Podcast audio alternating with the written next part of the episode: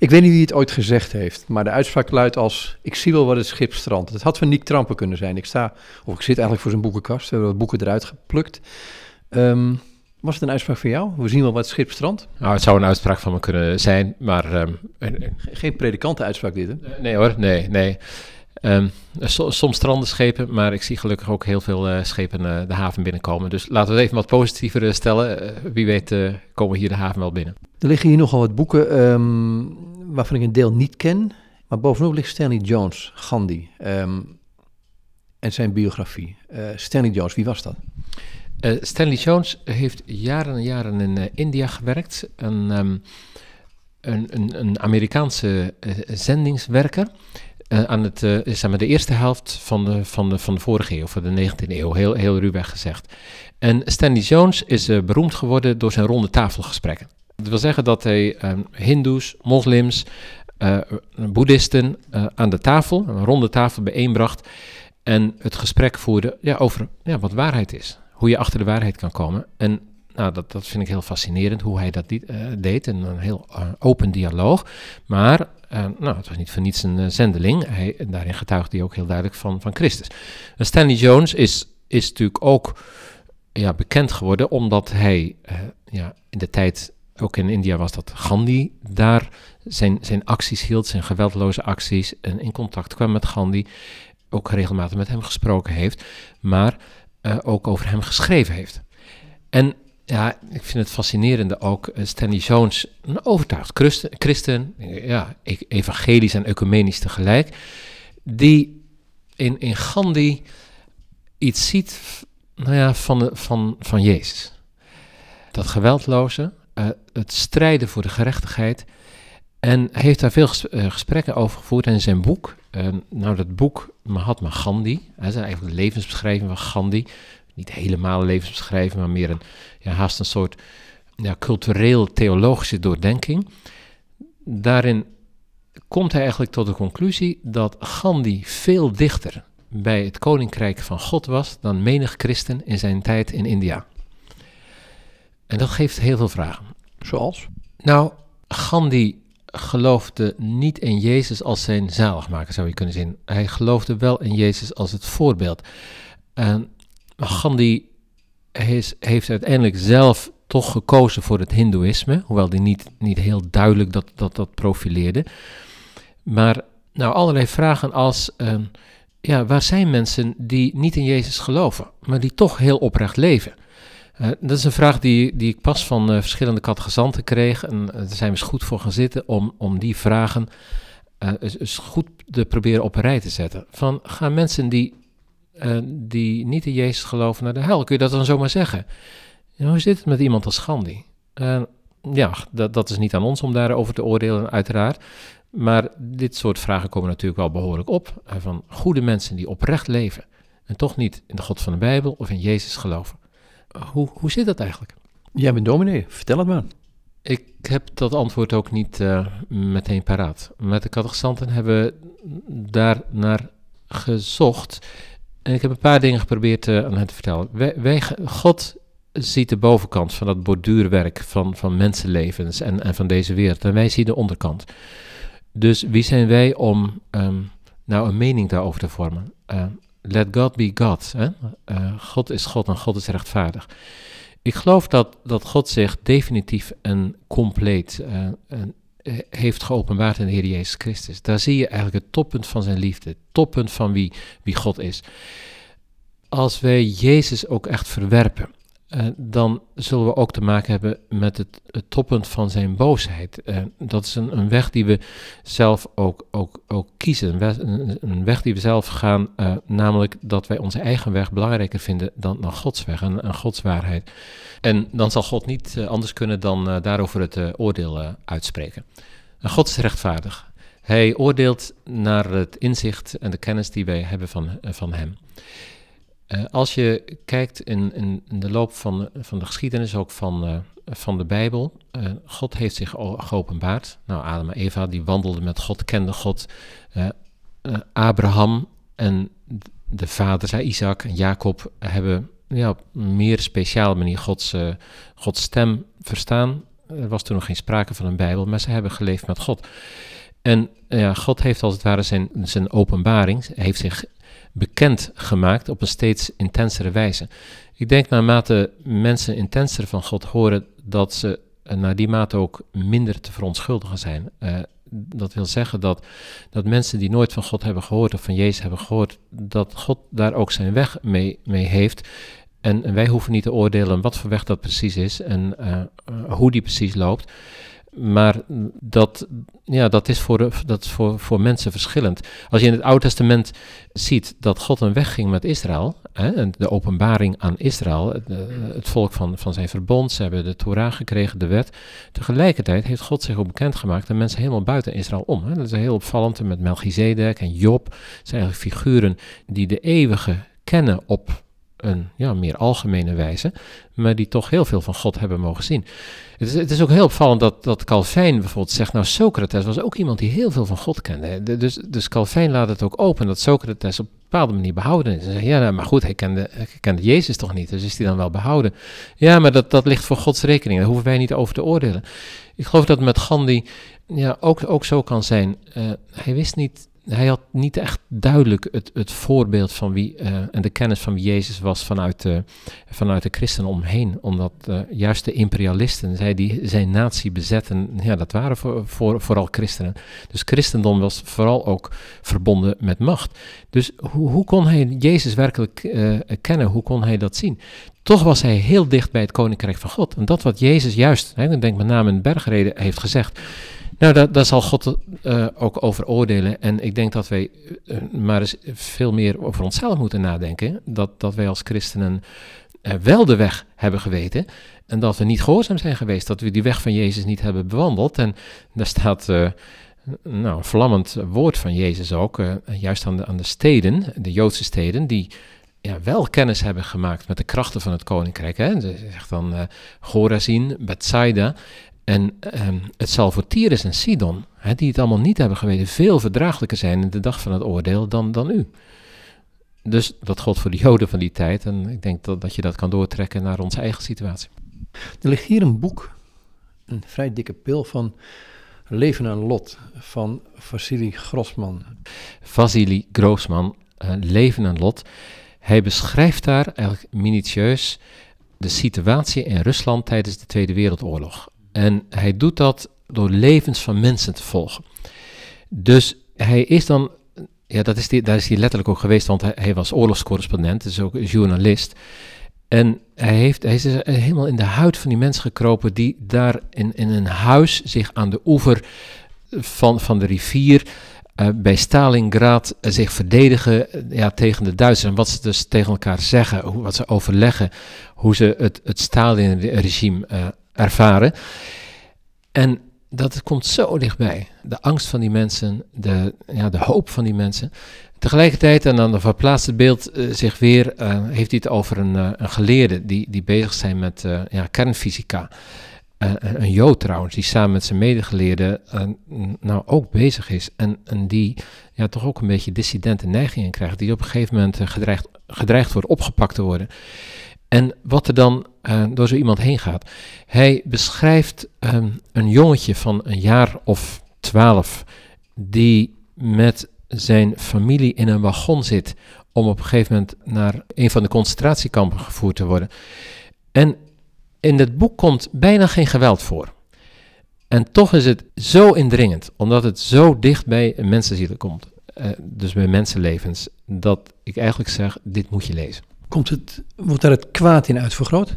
Ja, het kwaad dat komt uh, eigenlijk in, in, in, in, levens van mensen heel, heel sterk naar voren. Kijk, je, je kunt het kwaad beschrijven door nou, die, die geweldige opmarsen van, van, van, van Hitlers legers, uh, ja, om, om die te beschrijven en, en ook een beetje in beeld te brengen wat voor geweld die hebben aangericht. Je kunt ook het, het kwaad beschrijven door uh, de gevangenissen van in, in, Moskou te beschrijven. In de tijd van Stalin natuurlijk heel veel gruwelijke dingen uh, gebeurd. Het kwaad wordt niet uh, uitvergroot, maar het wordt geïntensiveerd. Het, wordt, het, kwaad bevindt zich in, in de leven, in de keuken, in zo'n Russische keuken, waar mensen met elkaar praten. En waar vrienden uh, bespreken, ja, die Stalin, dat, dat, is natuurlijk vader Stalin. Maar maar hij heeft ook wel een beetje moeilijke kant. En het wordt heel voorzichtig naar voren gebracht. En, en dan komt het op een gegeven moment zo ver dat die ene vriend die andere verraadt. En, en hoe dat nou kan.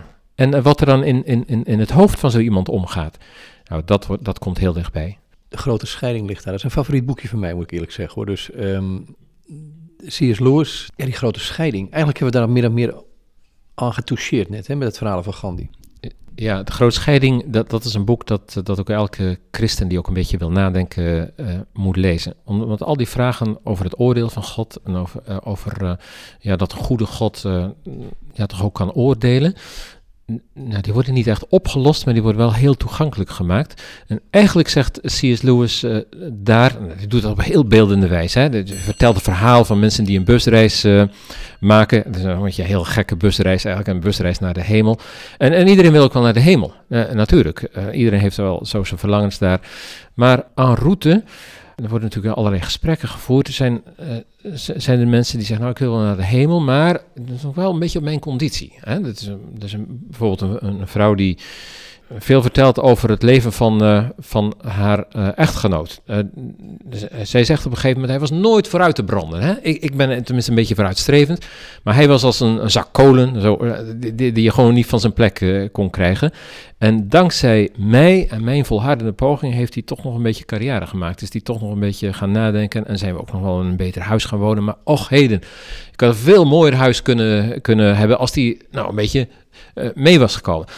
En heel fijntjes tekent Louis eigenlijk in dat gesprek uh, uh, die dame die eigenlijk voortdurend met zichzelf bezig is. En dat merk je dus, of mensen nou helemaal met zichzelf bezig zijn, of hun eigen verlangen zijn aan het ontwikkelen zijn, projecteren dat ook een beetje op de hemel. Maar naarmate mensen dichter bij de heilige komen, de eeuwige, naarmate dat licht helderder gaan stralen, gaan ze zich steeds ongemakkelijker voelen. Want, want ik wil wel in de hemel komen, maar ja, ik wil wel, ik wil wel mijn eigen uh, verhaal vasthouden. En dat gaat dus niet. En dat, die spanning ga je steeds meer voelen. En op een gegeven moment merk je ook, het kan ook gewoon niet anders, dat als mensen hun eigen verhaal willen vasthouden, nou ja, die, reis die gaat wel verder, maar dan is dat licht, dat is inderdaad een ontoegankelijk licht. En mensen zeggen dan nou, dat, dat, is, dat wordt met de vuil. Dat, dat, dat, die liefde van God, nou ja, dat is voor anderen dan wel heel mooi, maar niet voor mij. Want dan, dan moet ik mijn verhaal opgeven, dat wil ik niet. En uiteindelijk gaat het natuurlijk toch daarom dat Lewis wil, wil zeggen met, met deze gelijkenis, zo zie ik dat eigenlijk, zo lees ik dat eigenlijk, dat God vol liefde is en vol verlangen dat mensen bij hem horen. Dat Jezus gekomen is om het leven te geven aan overvloed. Geen, geen woord eraf. Maar dat God ten lange leste zal zeggen tegen mensen: Nou, uw wil geschieden. Jouw wil geschieden. Je hebt daarna verlangd. Je hebt je eigen wil, je eigen programma, je eigen verhaal willen schrijven.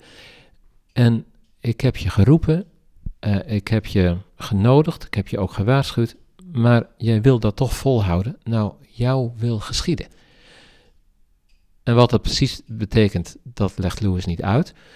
Maar dat zou iets van de hel kunnen zijn. Dat je met jezelf overblijft aan je eigen egoïstische verlangen, waar de liefde van God niet meer is. Hij beschrijft het daarin als, als een enorme grote grijze grauwe stad waar het altijd grijs en grauw en schemerig is. En, en ja, ja, die, die, die, die stad, eh, dat is natuurlijk al in, in het begin van het boek, dat, dat, dat valt helemaal op je, hoe, hoe hij dat beschrijft en hoe mensen daar ook aan willen ontsnappen. En het hele gekke is dat, dat mensen die grote, grauwe, grijze stad dan toch kennelijk liever hebben dan het licht en de vreugde en de vrijheid van de hemel. Ik kan een heel klein stukje voorlezen, gewoon willekeurig. Nou, moet ik even kijken hoor. Want, um, we hadden het even over die stad, hè? Ik, ja. Oh, ik begrijp je. Uh, je bedoelt dat de grauwe stad met haar voortdurende hoop op een aanbrekende morgen, we moeten allemaal van uh, op hoop leven, nietwaar, met haar mogelijkheden van een onbeperkte vooruitgang in zekere zin de hemel is, als we maar ogen hebben om het te zien. Ja, dat is een schone gedachte. Dat bedoel ik helemaal niet. Weet je werkelijk niet waar je geweest bent? Nu je het zegt, geloof ik niet dat we er ooit samen een naam aan hebben gegeven. Hoe noemen jullie die plaats? Wij noemen haar de hel. Het is niet nodig om profaan te worden, beste jongen. Ik mag dan niet erg orthodox zijn in de betekenis die jij aan dat woord hecht, maar ik voel dat zulke dingen op een eenvoudige, serieuze en eerbiedige wijze besproken moeten worden. Eerbiedig spreken over de hel? Ik meen wat ik zeg. Je bent in de hel geweest, of schoon je het, als je niet van hier teruggaat, ook het purgatorium kan noemen. Ga verder, beste jongen, ga verder. Zo ken ik je weer. Zonder twijfel ga je me vertellen waarom ik volgens jou daarheen gezonden ben. Ik ben er niet boos om. Maar weet je dat dan niet? Je bent daar terechtgekomen omdat je een afvallige bent. Meen je dat in ernst, Dick? Jazeker. Dat is erger dan ik verwacht had. Meen je werkelijk dat de mensen gestraft worden voor hun eerlijke overtuiging? Zelfs aangenomen voor een ogenblik dat die opvattingen verkeerd waren? Geloof je werkelijk dat men niet kan zondigen met zijn intellect? Natuurlijk wel, Dick. Door uh, bekrompen vooroordeel, intellectuele oneerlijkheid, mensenvrees en conservatisme. Maar eerlijke overtuigingen waar je onbevreesd voor uitkomt, dat zijn geen zonden. Ik weet dat we zo plachten te redeneren. Ik deed het nog tot kort voor mijn dood, totdat ik, wat je noemt, bekrompen werd. Het komt er maar op aan wat eerlijke overtuigingen zijn. Oh, de mijne waren dat zeker. Uh, ze waren niet alleen eerlijk, maar ook moedig. Ik heb ze onbevreesd verkondigd. Toen het leerstuk van de opstanding voor mijn kritisch vermogen, dat God me geschonken heeft, niet langer was te aanvaarden, heb ik het openlijk verworpen. Ik heb mijn beroemde preek erover gehouden. Ik trotseerde het hele kapittel. Ik nam elk risico. Welk risico? Wat kon er anders het gevolg zijn, van zijn dan wat inderdaad volgde? Meer populariteit, meer vraag naar je boeken, veel uitnodigingen en tenslotte een bisschopszetel? Dick, dit is ongepast van je. Wat voor toespelingen zijn dit? Beste vriend, ik maak helemaal geen toespelingen. Ik weet dat alles nu, zie je? Wel nu, laten we vrij uitspreken. Onze overtuigingen waren niet eerlijk gewonnen. Wij kwamen in aanraking met een stroom van bepaalde ideeën en we zwommen daarin mee, omdat het modern en veelbelovend leek. Op de universiteit begonnen we al werktuigelijk dit soort verhandelingen te schrijven, waarvoor we goede cijfers kregen en dingen te zeggen die bijval vonden. Wanneer hebben we ooit in ons leven in de eenzaamheid die ene vraag eerlijk onder ogen gezien, waar alles om draaide? Of het bovennatuurlijke toch eigenlijk niet bestaat? Wanneer hebben we werkelijk één moment ons ertegen verzet dat we ons geloof verloren? Als dat bedoeld is als een omschrijving van het ontstaan der liberale theologie in het algemeen, dan antwoord ik dat het pure laster is. Wou je zeggen dat mensen als. Ik heb niets te maken met algemeenheden, noch met enig mens behalve jou en mij. O, als het je om het heil van je ziel te doen is, ga dan zelf alles nog eens na je weet dat we vals hebben gespeeld. We verlangden van elkaar geen eerlijkheid. We waren bang voor een onbeschaafd methodisme, bang voor een breuk met de geest der eeuw, bang om belachelijk te zijn en bovenal bang voor reële geestelijke toekomstverwachtingen, zowel goede als kwade. Dit ligt er niet om, hè? Nee, dat is heel fors. Het zegt ook, nou, je kunt wel goede bedoelingen hebben, uh, je, je kunt... Um, nou, je, je, je, je kunt een verlangen uiten en in de wetenschap doe je dat uh, op een gegeven moment ook. Maar op een gegeven moment kom je tot inzicht. En dan zeg je, wij waren eigenlijk bezig om de leugen te voeden. Wij waren eigenlijk bezig met, uh, ja, het wil niet zeggen onoprechtheid, maar wij dienden de waarheid niet. We waren eigenlijk bezig onszelf te dienen. Hé, hey, dankjewel. Graag gedaan. Ja, jezelf als held van je eigen verhaal en niet Jezus. Zou dat de hel zijn?